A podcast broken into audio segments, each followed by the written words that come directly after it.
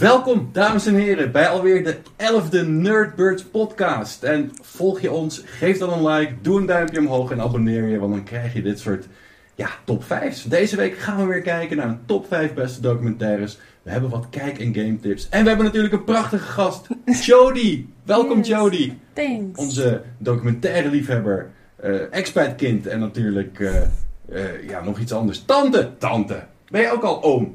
Sunra, Sunra Schultz voor de mensen die hem niet kennen. Nog geen oom. Nog geen oom. Hou je een beetje van documentaires? Sunra? Zat ik me af te vragen. Eh, soort van, soort van. Oké. Tenminste, ik vind het fijn als ik mensen erover hoor praten. Daarom zit ik tenslotte hier. Ja, ja, ja, het is onze trouwe tafelheer. En eh, ja, onze nieuwe gast, eh, documentaires. Hoe kwamen we daar eigenlijk bij, Jody? Nou, ik zat te denken van ja, wat vind ik leuk eh, qua films en dingen? Wat kijk ik het liefst of het meest? En dan eh, kom ik toch wel vaak op documentaires uit. Dat eh, vind ik heel leuk. Om een kijkje te krijgen in iemand anders leven, om me te verdiepen in een onderwerp. Dus eh, ja, ik dacht laten we dat bespreken. Ja, heel goed. Ik zelf merkte ik toen ik door mijn IMDb-lijst ging, kijk ook heel veel documentaires. Zoveel dat ik op een gegeven moment een shortlist had van ja, 20. En toen begon ik de categorie wat uit te dunnen. Dus we hebben gekozen in ieder geval voor 21ste eeuw documentaires. Hè, dus 2000 of later. En zelfs dat was een beetje too much. Dus ik heb nog voor mezelf de regel gemaakt. Maar daar heeft Jody zich niet aan gehouden. Of hoeft niet. Ehm, geen miniseries. En geen biopics. Dus ik heb eh, allemaal eh, ja, muziekdocumentaires, dat soort dingen heb ik ook niet gedaan. Ah, Spoilers. Oké. Zijn het spoilers? Niet iedere eh, entry gaat zich hier aan houden volgens mij. Nee, Nee. nee. Maar goed, dat, dat zien we dan wel weer. Maar voordat we beginnen, hebben we nog een soort eh, introductie. Of ja, introductie. We hebben gewoon een kijk- en een game tip. En eh, qua kijktips had jij ook iets voor ons in petto, Jody. Ja, ik eh, kijk de laatste tijd eh, een series, dat, eh, een documentaire series, dat heet The Last Dance. Oh ja. Het gaat over Michael eh, Jordan, de, de basketbalspeler van de Chicago Bulls. Eh, dus ik ben Wie? die... eh, Sorry? Sorry, wie? de Chicago de basketballegende natuurlijk Ja. van de. Bulls. Ehm, ja, ik, ik, heb hem, ik ben net begonnen, maar ik vind hem eh, nu al heel goed. Ik zit pas in de tweede aflevering, eh, dus ik moet hem nog even afkijken. Maar eh, ja, het is echt om aan te raden. Ik vind het heel interessant. Het gaat echt over de Chicago Bulls, maar ja, ook eh, over Michael Jordan. Gewoon hoe hij is als basketballer. En, ja, heel interessant en inspirerend. Zeker, heel openhartig ook. Eén van de redenen dat ik heb gekozen voor mijn regel, geen mini-documentaires. Eh, net zoals Wild Wild Country of eh, de O.J. Simpson documentaire van een paar jaar geleden. Fantastisch. En wist je trouwens dat eh, hij niet in zijn eigen huis wordt geïnterviewd de hele tijd? Het is een Ja, gehuurde ik woning. heb dat Ja, gelezen, inderdaad. Hij wil dat vanwege privacyredenen wil hij dat niet in zijn eigen woning opnemen, de interviews. Ja. Ja, viel mij gelijk op dat het zo kil was en, en niet helemaal paste bij de persoon die daar zat eh, op die oh stoel. echt? Dus ik dacht gelijk van, hè, wat, wat, wat gek. Alden is een mensenmens, die ziet dat meteen. Ja. Zeker, zeker. En jij, eh, Jody, zijn je layups ook al meteen verbeterd na die eerste aflevering? Nee, nee, nee. Ik heb eh, ooit vroeger wel op een basketbalteam gezeten. Oh, Op een basketbalteam zelfs. Ja, in een basketbalteam eh, in een middelbare school. Ehm, en eh, ja, dat, eh, dus ik heb dat ooit wel gedaan. maar, Forward, eh, point guard. oh man, ik weet het helemaal niet meer. Ik weet niet eens wat die termen betekenen, maar... Ja, nou, lang geleden in ieder- ieder Je geval. bent altijd alles volgens mij als je als kind gaat basketballen. Dan zijn Mm, die mm, positie is nog niet zo sterk. Ik ben 1,96, ik was altijd center. Maar als je naar de NBA kijkt, dan is dat juist de point guard. Dat is juist de kleinste man van het veld met mijn lengte.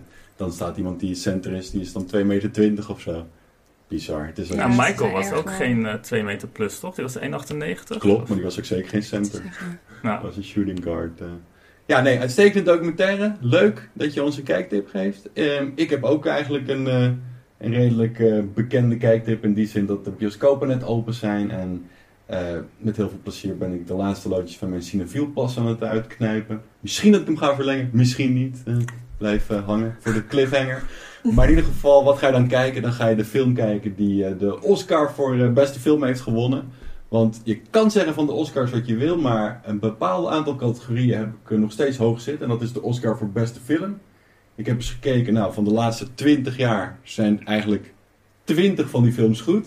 2001 is de laatste beste filmwinnaar die ik niet heb gezien. Maar dat komt omdat een musical is, Chicago.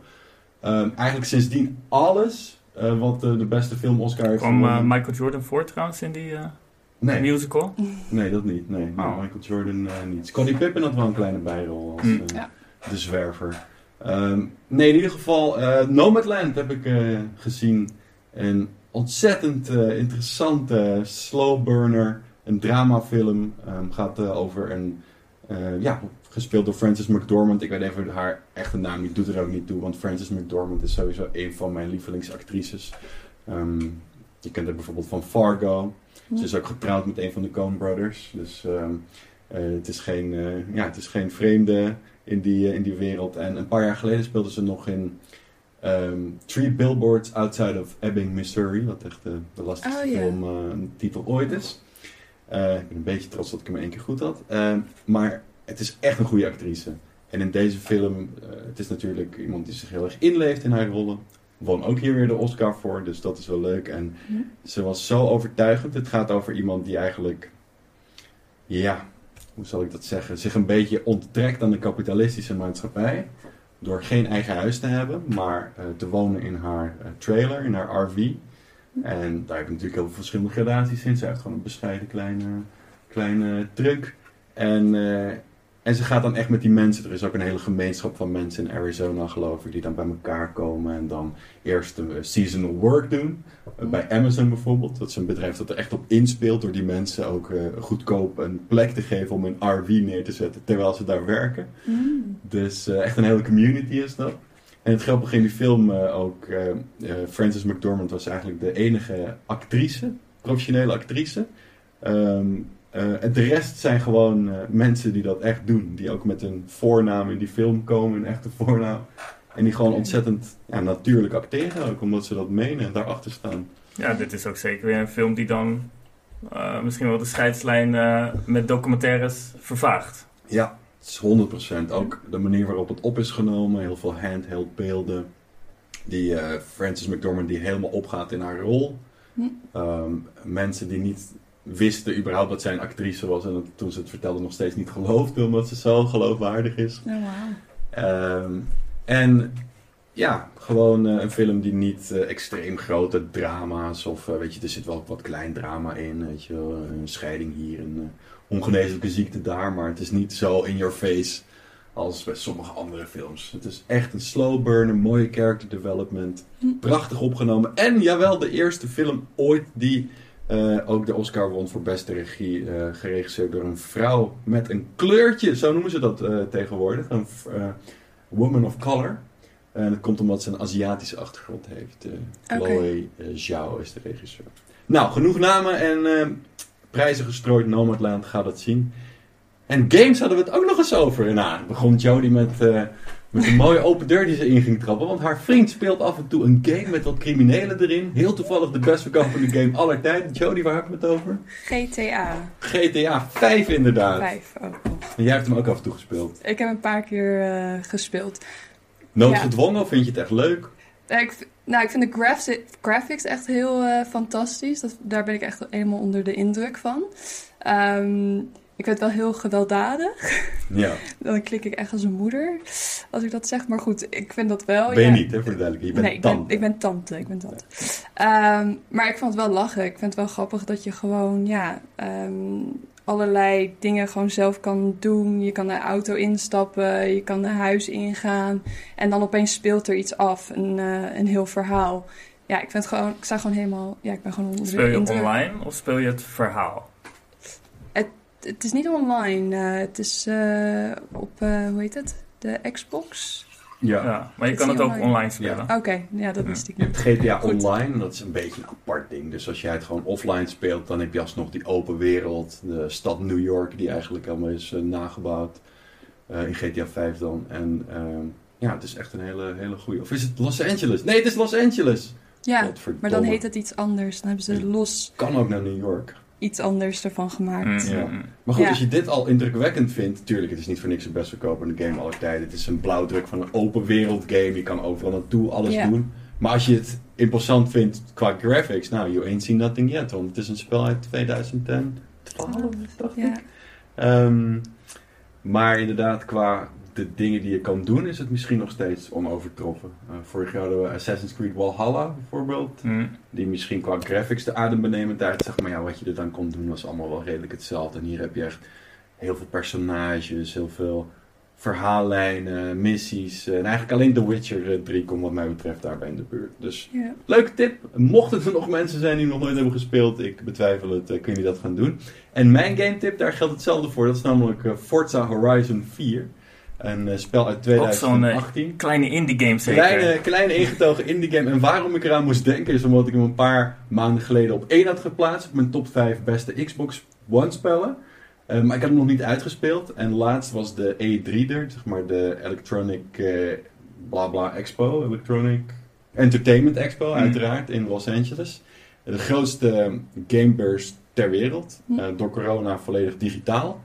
En eigenlijk had alleen Xbox, die nu samen met Bethesda 1 is, had een show om van te smullen. De rest stelde allemaal teleur. Sony was er niet. Nintendo had een kleine Nintendo Direct. Al die uitgevers waren een beetje moi.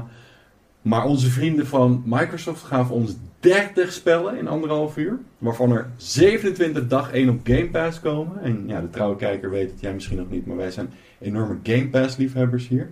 Ik weet niet of je vriend dat ook doet. Maar dan betaal je een vast bedrag per maand. 10 euro. Netflix van de gaming. Precies, en dan kan Oké. je honderden spellen kun je dan spelen.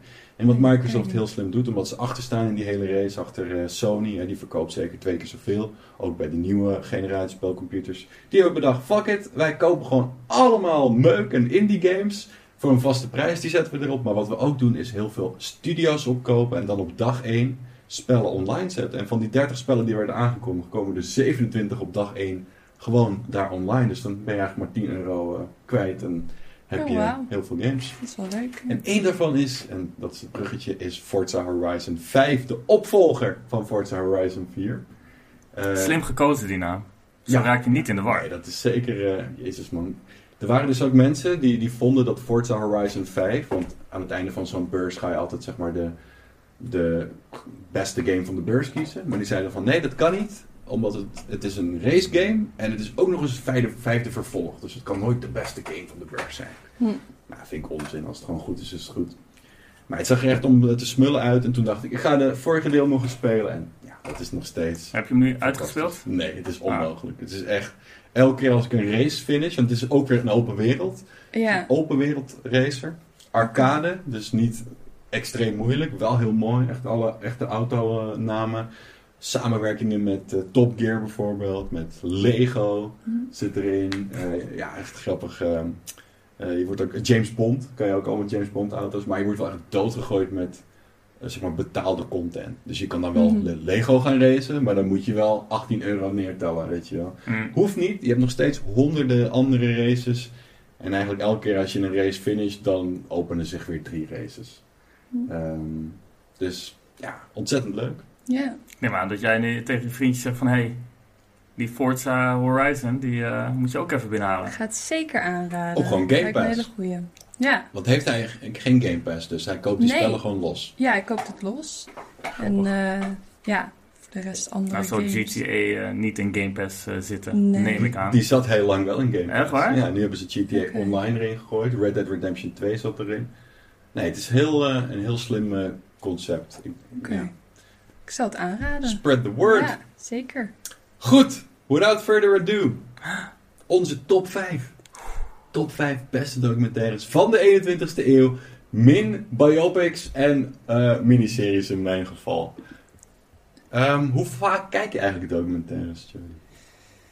Hoe vaak? Ja, ik denk wel één keer in de twee, drie maanden of zo kijk ik wel een documentaire. Er staat best wel vaak ook iets nieuws op Netflix. Dan, eh, dan ja, vaak eh, kijk ik die wel. Mooie natuurdocumentaires, dat soort dingen. Er zijn best wel veel de laatste tijd uitgekomen van, eh, als ik zijn naam goed zeg, David Attenborough. Precies, Ja. lastige naam. Ja, David Attenborough. ja, En je hebt ook nog Edinburgh. Dat is Ja. een plek in Schotland. Ik weet niet of je het zo uitspreekt. Maar... Daar komen wat minder... eh, In Forza Horizon vandaan. 4, ja dat sowieso. Forza Horizon 4 kan je in Edinburgh eh, racen, maar nu hou ik op over Forza Horizon. Ehm, en wat maakt voor jou een documentaire dan interessanter dan een gespeeld iets, een gespeelde film? Ja, dat je echt een uh, kijk in iemands leven, een, een, een ander perspectief krijgt. Um, film, ja, dat heb je dan ook op zich.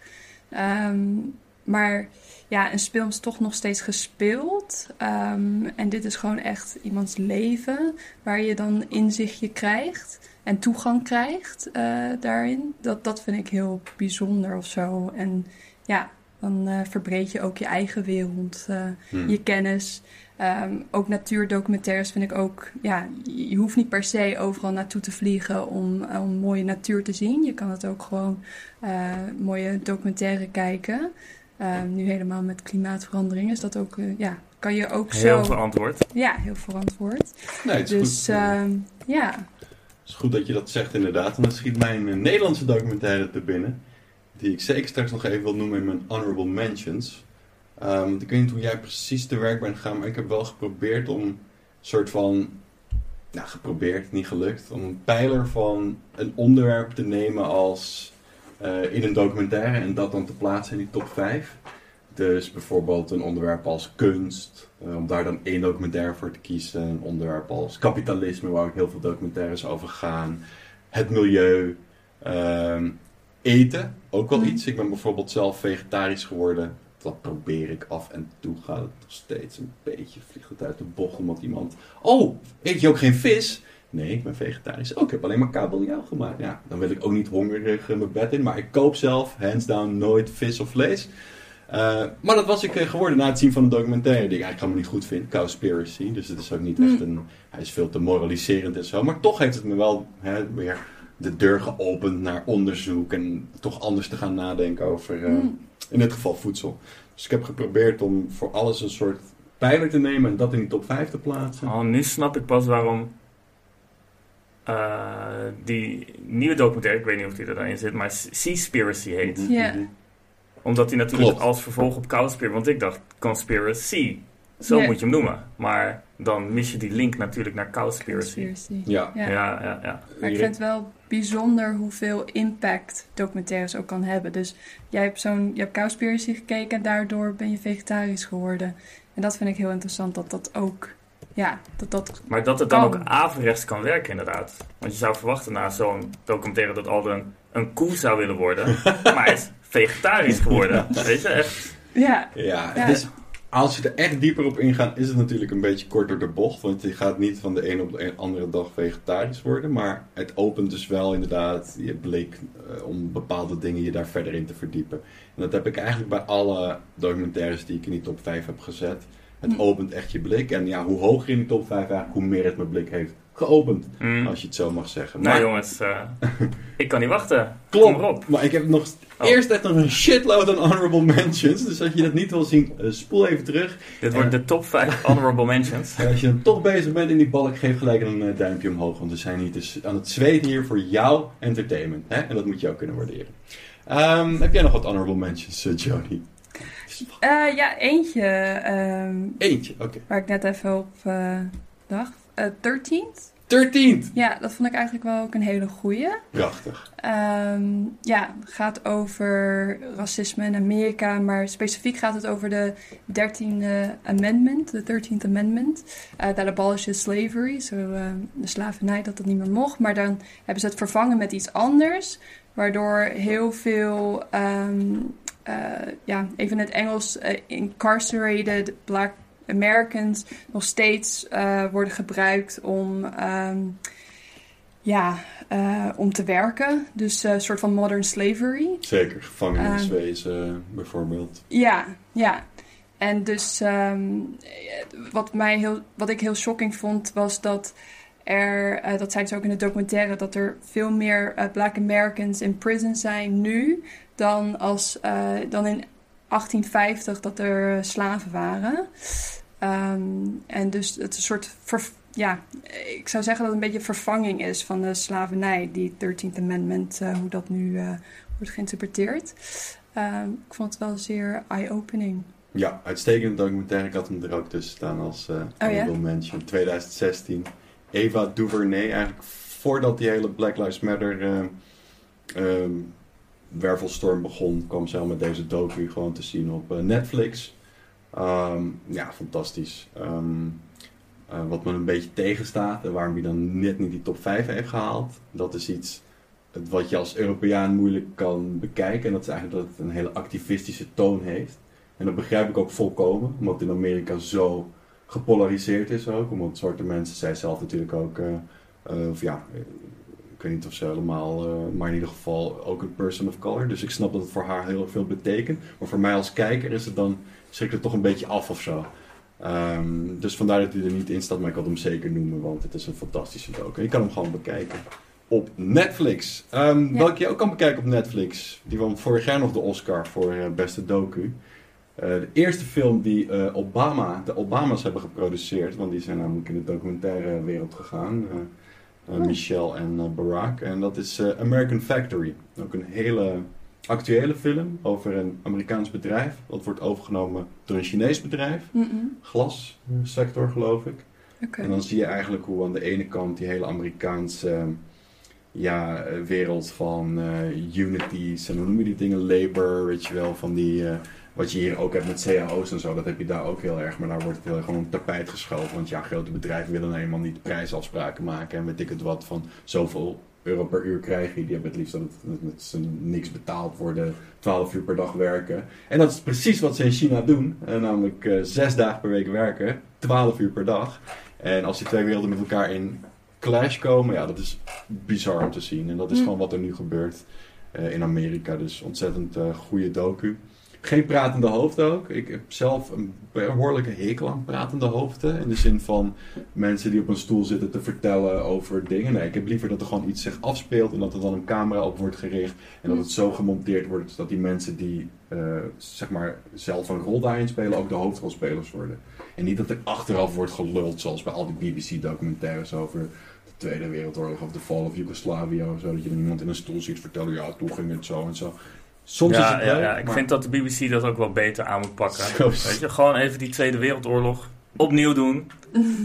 En dan gewoon live die documentaire maken. Helemaal, helemaal mee eens, Alden. Het zijn natuurlijk fantastische documentaires van de BBC, laten we dat voorop stellen. Maar op een gegeven moment wil je iets anders zien. Het heet trouwens Fly on the Wall, zo heet die documentaire methode, waarbij je dus eh, alleen maar registreert.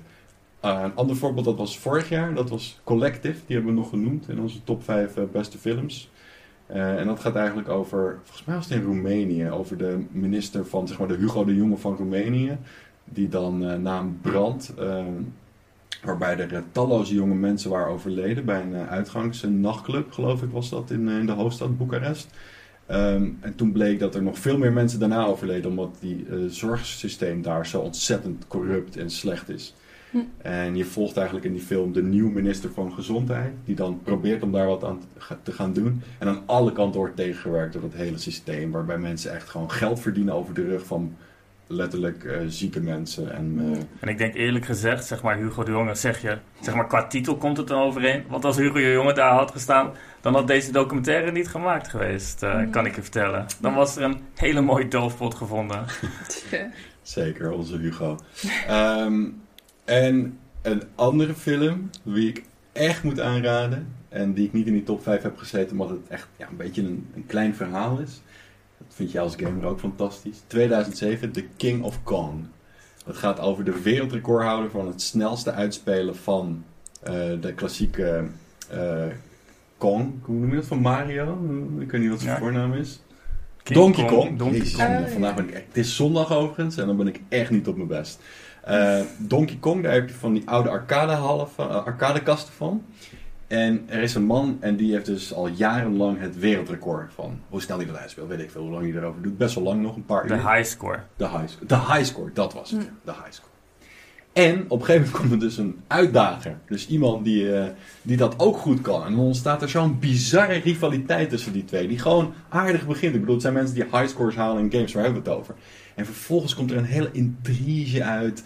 Uh, een van die twee mannen die, die, die, die, is, die gunt de andere het daglicht niet. De ander blijkt vals te spelen. Het is bizar vet om te zien. En uh, ja, gewoon een hele mooie, mooi verhaal ook over. En nog uh, actueel ook, want zeg maar de laatste stand van zaken is echt van een maand of twee geleden. Want uh, hoe heet het ook weer? Billy Mitchell, toch? Ja, Billy Mitchell, Dat is ja. maar de, de valsspeler die Okay. 100% vals speelt, maar toch steeds probeert uh, eh, de, de façade hoog te houden, zeg maar, dat hij dat record gevestigd heeft. Ehm, ja, die zit nu dan iedereen eh, eh, te litigaten. Waarbij dan, eh, eh, nou, nog een klein dingetje dan. Dus zeg maar, er was een andere highscore speler van zeg maar de laatste tijd. Die dan best wel goed is geworden. En die dacht van, oh, die Billy Mitchell, weet je, ik geloof niks ervan dat hij zo erg is dat hij de hele tijd vals speelt. Dus dat was een soort van eh, rechterhand geworden van Billy Mitchell. Mm. Totdat dat zo lang duurde dat hij dacht van, wacht eens even, volgens mij klopt het toch wel. Maar toen was hij al zeg maar in de inner circle van Billy Mitchell beland. En heeft hij dus allemaal informatie Ja, die. Billy natuurlijk angstvallig probeert verborgen te houden. Dus dat is weer een extra laag bovenop de intriges van die documentaire inderdaad. Oké. Je hoort het nerdchat hier op je beeldbuis Ja. in je oor bij de Nerdbirds eh, podcast. Ehm, ik ga gewoon rustig door, want Nee, eh, ah, moet dat nou? de wereld van de documentaires is echt eh, is heerlijk. Kunnen we niet gewoon voortaan de honorable mentions gewoon zo om in beeld laten verschijnen? Kan, Van, kan. Toch? Ik noem ze, ik ga er niet op in. Eh. Inside Job 2010, een documentaire, de documentaire over de financial crisis. En De Nieuwe Wildernis, dat is die Nederlandse docu uit 2013. Gewoon een, een, een park hier vlakbij. En het ziet eruit alsof je ergens, eh, ja, ergens anders bent. En dat willen we allemaal. Ergens anders zijn, toch Jody? Wat is jouw nummer 5? De echte. Ja, nummer 5 is toch eh, de ene die je het laagste hebt eh, gescoord van Precies. het. Oké, ja. Correct. Ja, eh, we beginnen met 5. Oké, dan eh, had ik de docu-serie, wat niet helemaal de bedoeling is, maar goed. Het is wel voor mij de bedoeling. Oké, Human Planet eh, had ik eh, gekozen. Is dat David eh, Attenborough? Of niet? Ehm, ik denk niet dat hij het eh Oké. regisseerde. Nee, dat was hij niet inderdaad. Nee, nee. Eh, maar het is wel ook een docu van de BBC.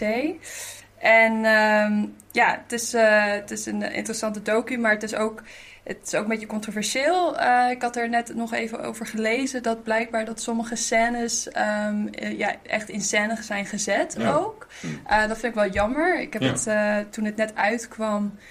Dat is al een tijd geleden, heb ik het, toen had ik het gezien en ik vond het echt heel indrukwekkend. ehm, want het laat zien hoe mensen zich ehm, adapten, ik kom even niet op het Mm. Nederlands woord, eh, Aanpassen. aanpassen naar het natuur. Ehm, en hoe ze daar ook gebruik van maken in allerlei eh, omstandigheden. Dus ook een beetje antropologisch eh, is de serie. Hm, cool. En dat vind ik heel vet. Ehm, maar ja, dat is wel jammer dat dan eh, bepaalde ja, delen van de serie toch in scène zijn gezet. Of, ehm, ja, of ze zijn opgenomen in een studio. Hm. Eh, dus Netflix heeft het ook, eh, ehm, eh, of BBC heeft gevraagd om het van Netflix af te halen. En ze hebben die delen eruit gehaald. Ehm, dat En dat was ik wel op heel zich- jammer. Er waren wel een paar dingetjes, maar het was minor, toch? Ik bedoel, als je die hele serie kijkt, want het is van zeven afleveringen, dan zijn er misschien drie, acht. vier, vijf dingetjes die dan... eh, Ja, ongeveer vijf dingen die niet Hmm. echt, ja, En weet Helemaal welke? kloppen. Dat ja, Ja, ja, er is één eh, met een eh, boomhuis, een tree hut. Hm. Die, eh, die, ja, daar hadden ze echt gevraagd om dat te maken. Dat is niet echt iets wat zij eh, normaal gesproken zouden maken. Dat, was, Mm. dat was er één. Er was één met een eh tarantula. Hm. Ehm Tarantula? tarantula. ja, Je wilt hem spider? tarantula. Ja, precies, ja. spin.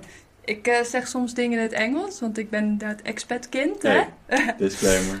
Dus Zoals eh, BBC is eigenlijk BBC. BBC. Maar dat, dat, dat houden we gewoon tussen ons. ja, En, eh, maar goed, wat, maar wat er is zijn er wel een aantal. Precies, maar het staat niet voor niks in de top 5. Dus wat is er wel mooi aan?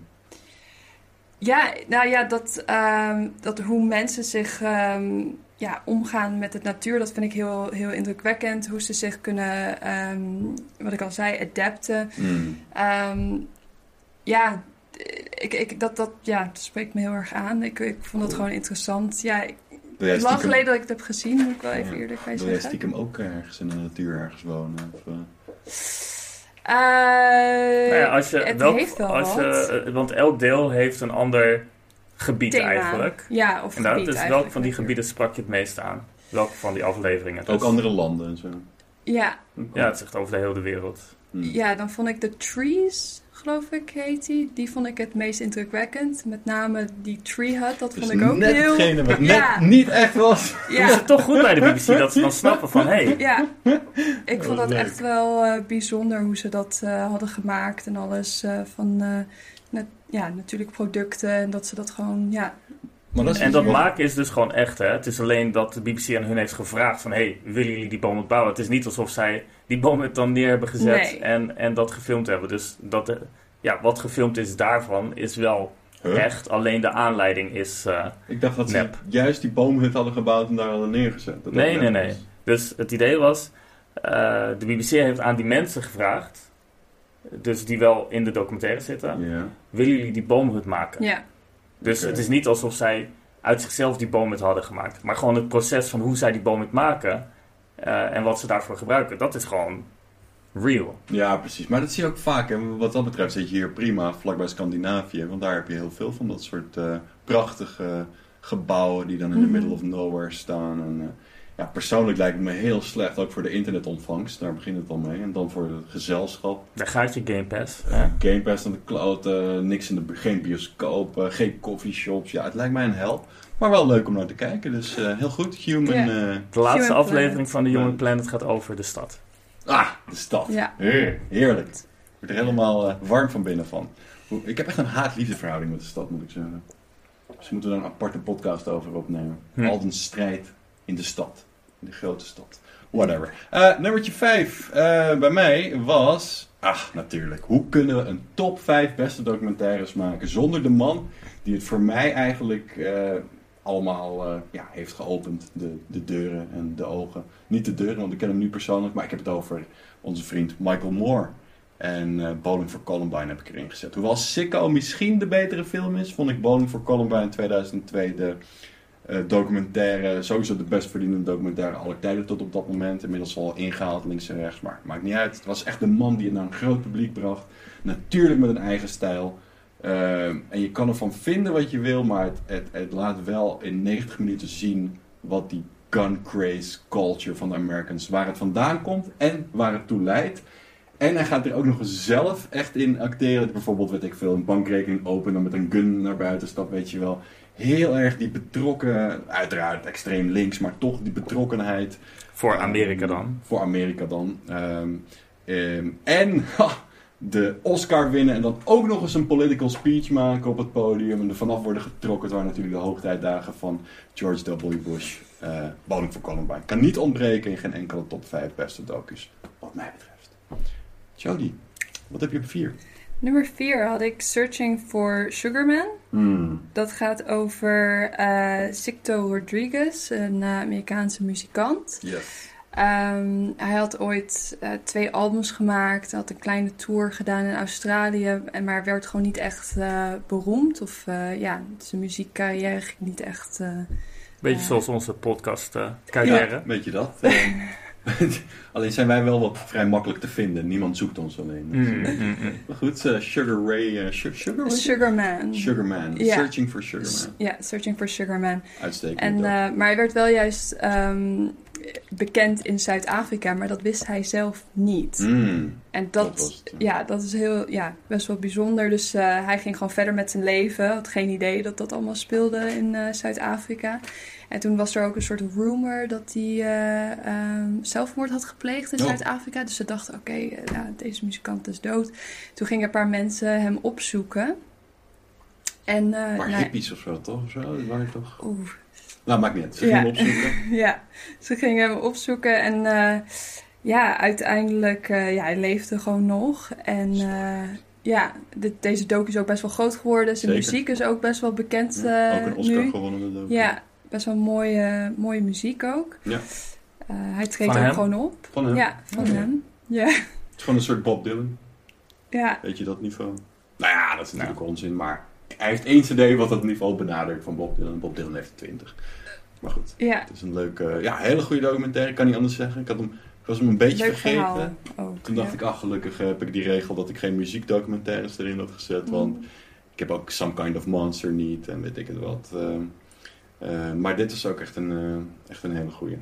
En met wat voor gevoel laat die docu je dan achter als je die eh, gekeken hebt? Ja, verdriet en boosheid, maar dat zijn mijn basisemoties. Ehm, En bij jou, Jody? Nou, ik vond het heel mooi dat, eh, dat hij toch na al die jaren, hij wilde heel graag muzikant worden. Dat werd niks. En uiteindelijk nu toch nog, als, ja, nog wel, eh, ja, dat hij nog steeds de droom kan uitleven. Dat vond ik wel, eh, ja, wel heel mooi. Hoop. Het gaf je hoop. Hoop, het gaf je hoop. En dat geven wij onze luisteraars ook hoop. Eh, Ik moet ook denken aan een andere docu. Een hoop Anvil. onzin, ja. Een hoop onzin, zeker.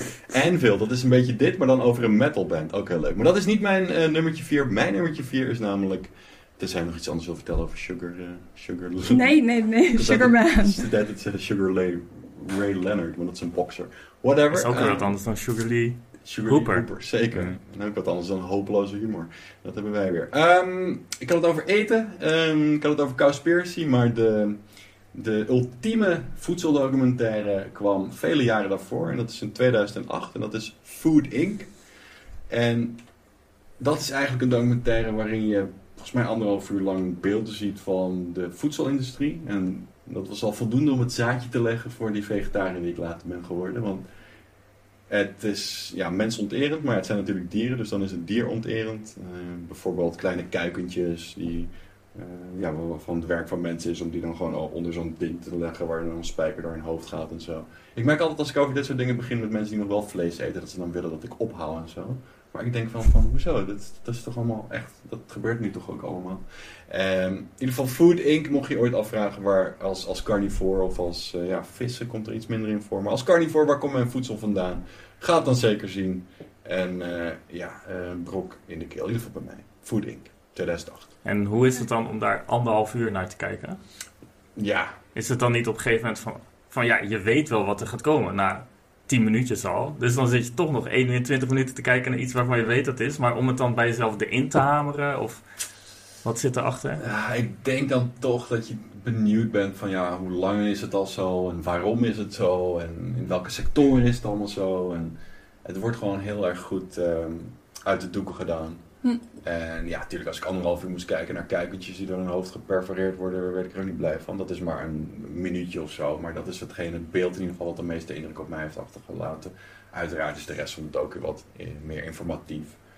Ehm, en mooi opgenomen, het ziet er gewoon mooi uit. aan de ene kant zie je het eindproduct, wat we ook allemaal zo graag zien. En reclames en in de, in de schappen van de supermarkt. Dus dat, ze schuwen die kant niet. Het is niet zo'n, weet je wel, echt zo'n... Want soms heb je op Facebook van die filmpjes, dan gaan ze filmen in een slachthuis en zo. En dan word ik ook na twee minuten misselijk, zet ik het Mhm. uit. Maar dit is echt ook echt mooi gebracht. En dan op een gegeven moment komen dan die beelden en ja, dan kan je het niet meer eh, uitzetten eigenlijk. Dus eh, ja, voeding.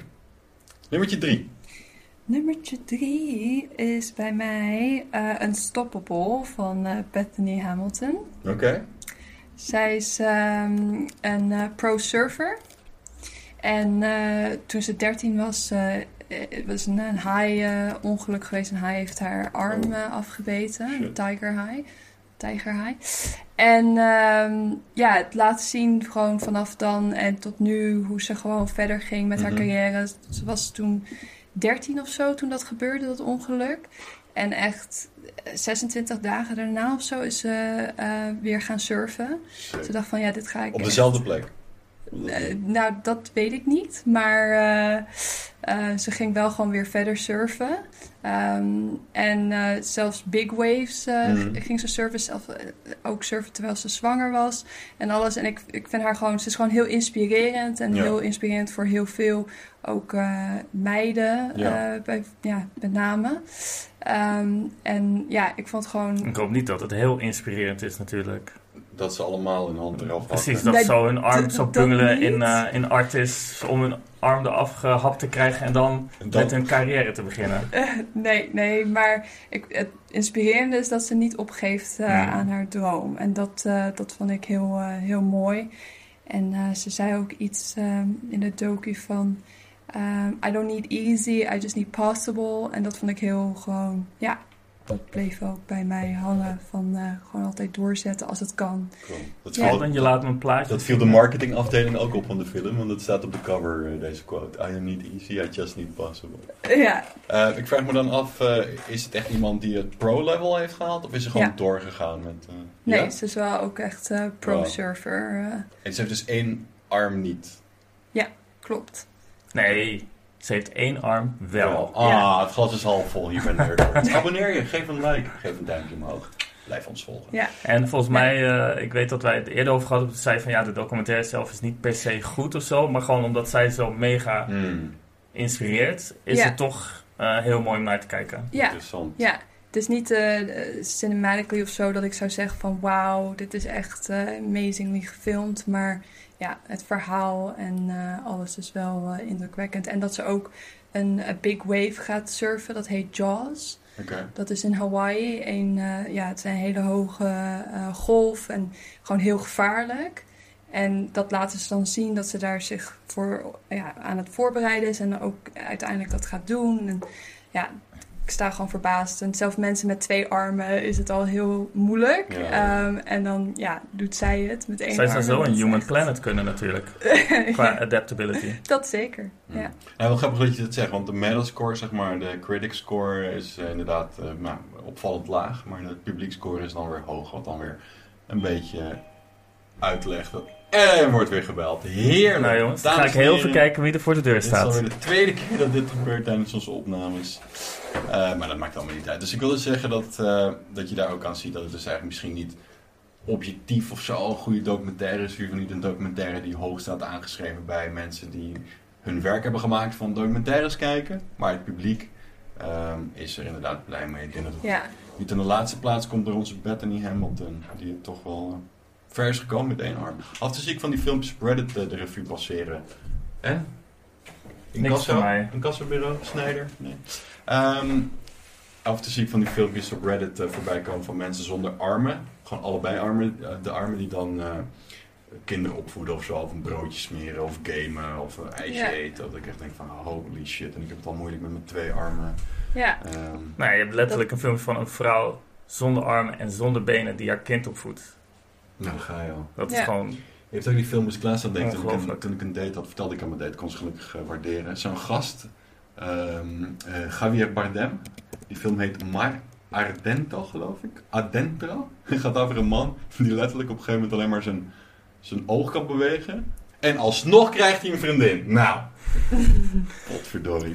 Maar dat even terzijde. Mijn nummertje drie. ik was, dat moet ik even vertellen. Dit, uh, ding. Ik was een Keep the keer- hope alive, uh, ik, ik was een keer in het, eh, in het Game Museum. Niet het Game Museum, maar het Game. G-A-M-E. Moet even nadenken.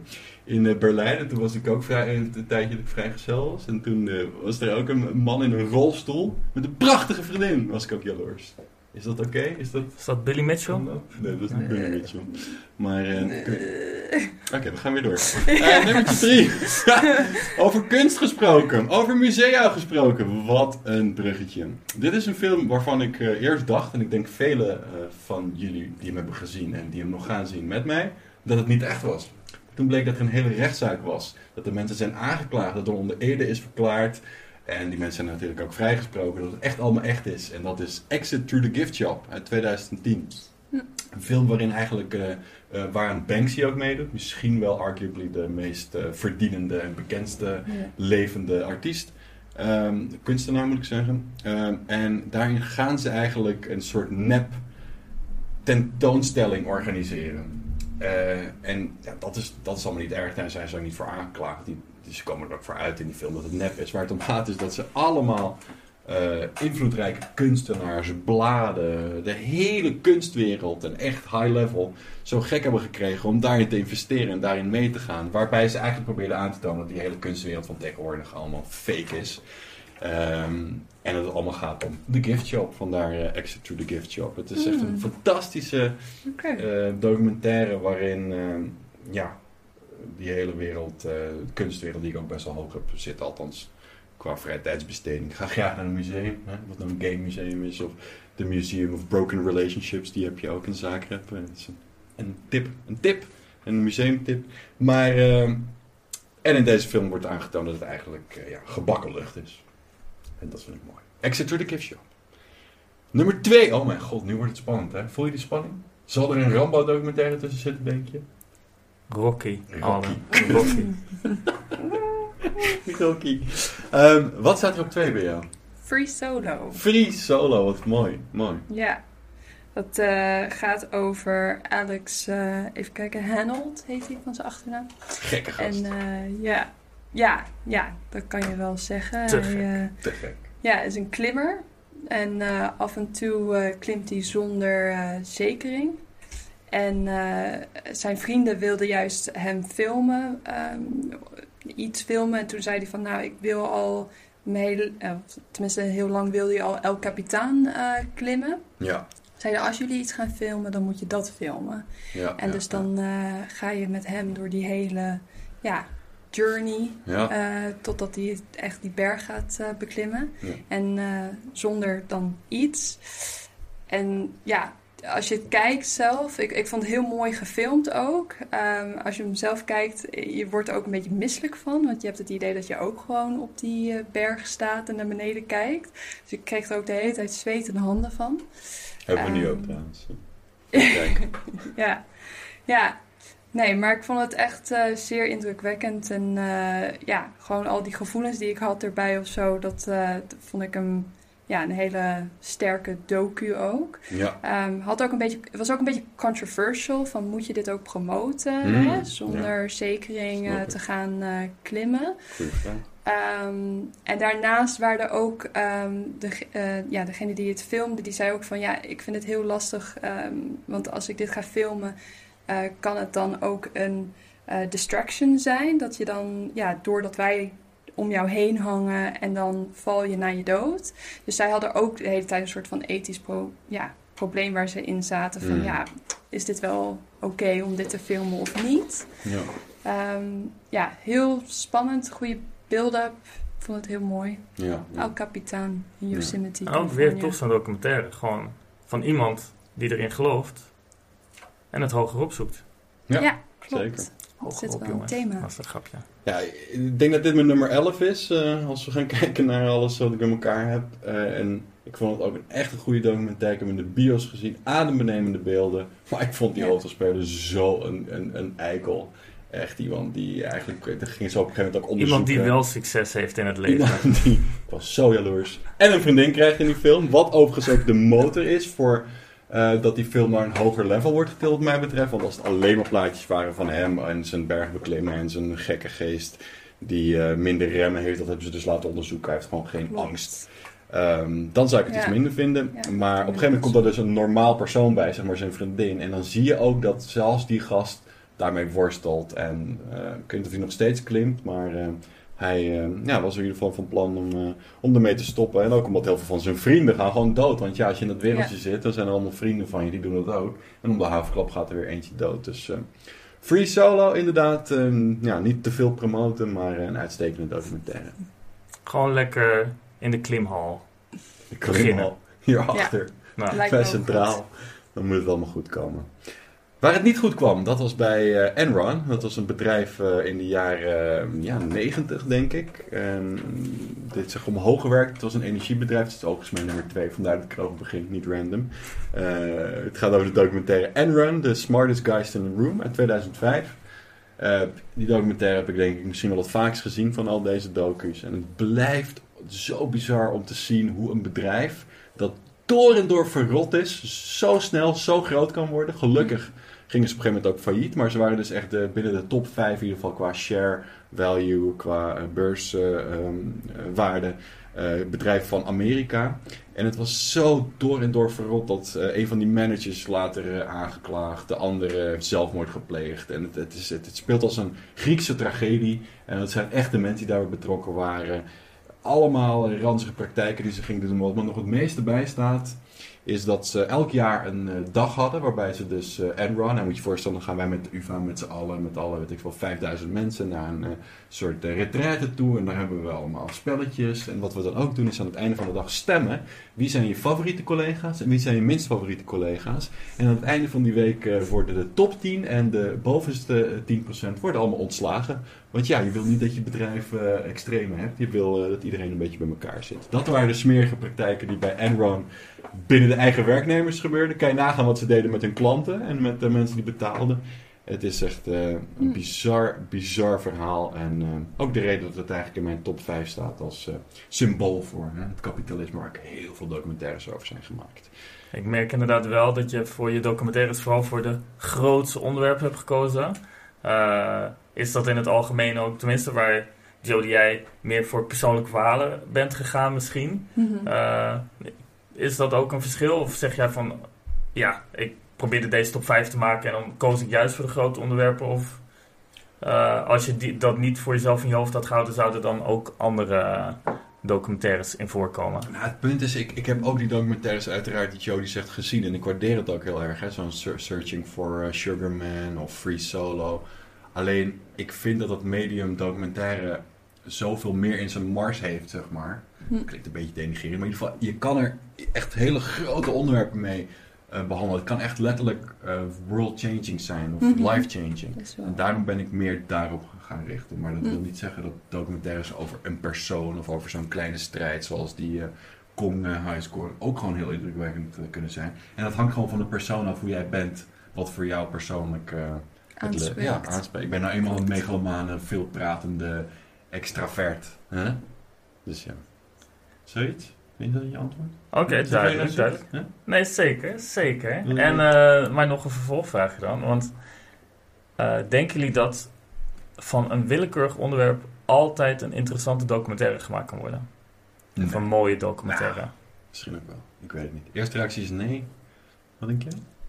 Ja, ik, ik wil eigenlijk, mijn gevoel zegt ja. Je kan bijna van alles wel een documentaire maken. Ja, ik zat net te denken over iets simpels als suiker of zo. Dan kan je ook eh, helemaal naar de industrie kijken. Weet ik veel, alles Ja, kan het je wel- maken ik van een het- balpen, bijvoorbeeld, als iets totaal oninteressant, zou daar toch inderdaad iets uit Ja. kunnen komen? Als het, gaat, het gaat er maar om wat, wat je insteek is. Of het dan gaat om de hele balpenindustrie en hoe die is veranderd. En hoe... Nou, meteen dat ja. invalshoekje komt Ja. om de hoek kijken. Ja. klopt. Ja. Hm. Zeg nog, wat je net zei, was er vorig jaar nog een hele grote documentaire, Honeyland. Die ging over de productie van eh, honing en bijen. Klopt. En hoe dat Ja. ook weer allemaal symbool staat voor onze hele ecosysteem Ja. en zo. En, eh, ja, als je maar intellectueel onderlegd bent, dan kan je hiervan genieten. Hè? Ja.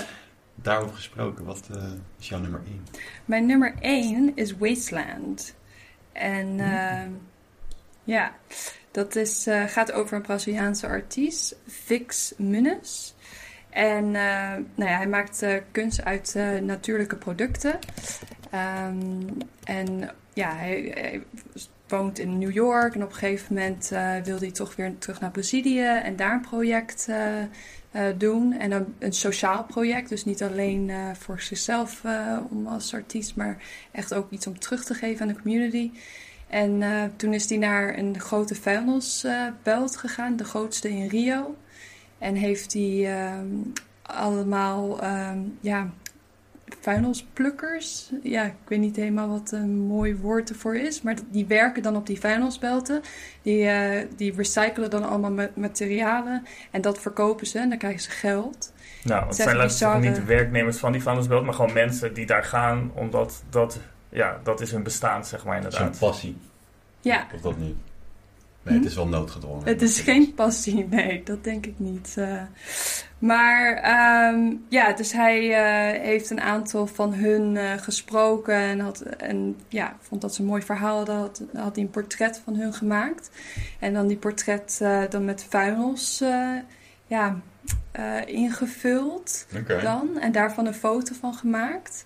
Het is lastig een beetje om dat uit te leggen. Dus het werd ook kunst. Het, ja, het werd kunst. En dat heeft hij dan uiteindelijk eh, ook op een veiling eh, eh, verkocht. En alle proceeds daarvan, alle geld terug naar die mensen.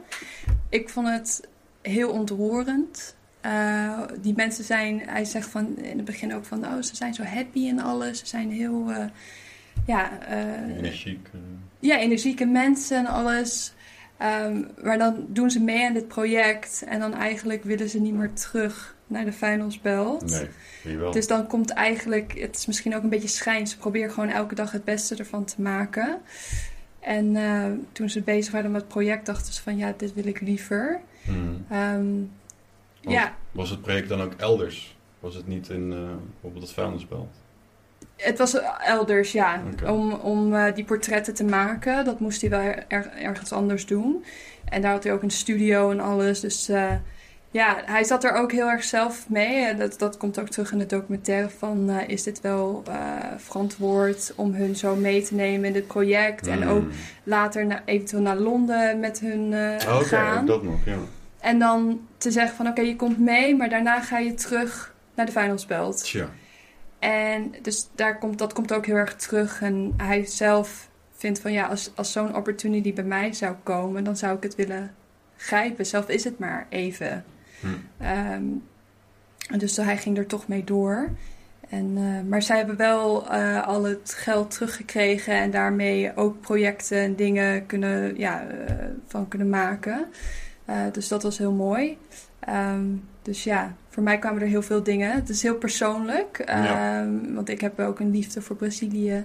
Eh, dat sociale werk, dat vind ik ook heel interessant. Ja. Ehm, dus eh, ja, het was voor mij heel on- ontroerend. eh deze Wasteland gaat op het Wasteland. lijstje. En ook mooi dat hij het een soort van terug heeft gegeven aan, zodat hij niet alleen maar winst heeft gemaakt. Ja, en ook hun gebruikt om die portretten te maken. Dus het was echt een ja, wisselwerking. Het was niet zo van, oké, ik maak foto's van jullie. Ik, eh, ik ben echt de artist, maar hij wilde hun ook echt meebrengen in het hele proces. En daar ben ik helemaal voorstander van met Mm. alle sociale projecten. Dat je dan ook de mensen echt van de ground, gra- ja, grassroots up eh, meebrengt. Ja. Ehm, ja, En is het bekend of ze mooi. uiteindelijk van die vuilnisbelt af zijn gekomen? Of ze? Sommigen wel. eh, die, hebben dan, die zijn andere dingen gaan doen. Eh, er was één vrouw die is wel teruggegaan eh, naar de vuilnisbelt. Hmm. Ze miste de, de, ja, het sociale. Gezelligheid. Ja, Ja. ja. En een van die mannen is eh, later president geworden, dus Bolsonaro. Goed, ehm, mijn eh, nummer 1, tenzij je nog wat wil vragen, ik weet dat Sunra zit altijd vol vragen. Ik krijg altijd na afloop het verwijt van, ja, kon je mij dan niet wat meer vragen laten stellen? Dit is je moment. Wil je nog een vraag stellen over Wasteland? Ehm, nee, meer een opmerking dat dit ook een voorbeeld is, denk ik, van de menselijke maakbaarheid. Want inderdaad, je zit in een bepaalde situatie gevangen eigenlijk. Want ja, je loopt rond op die vuilnisbelt. Je hebt geen manier om eruit te komen. Dus de menselijke geest zorgt ervoor...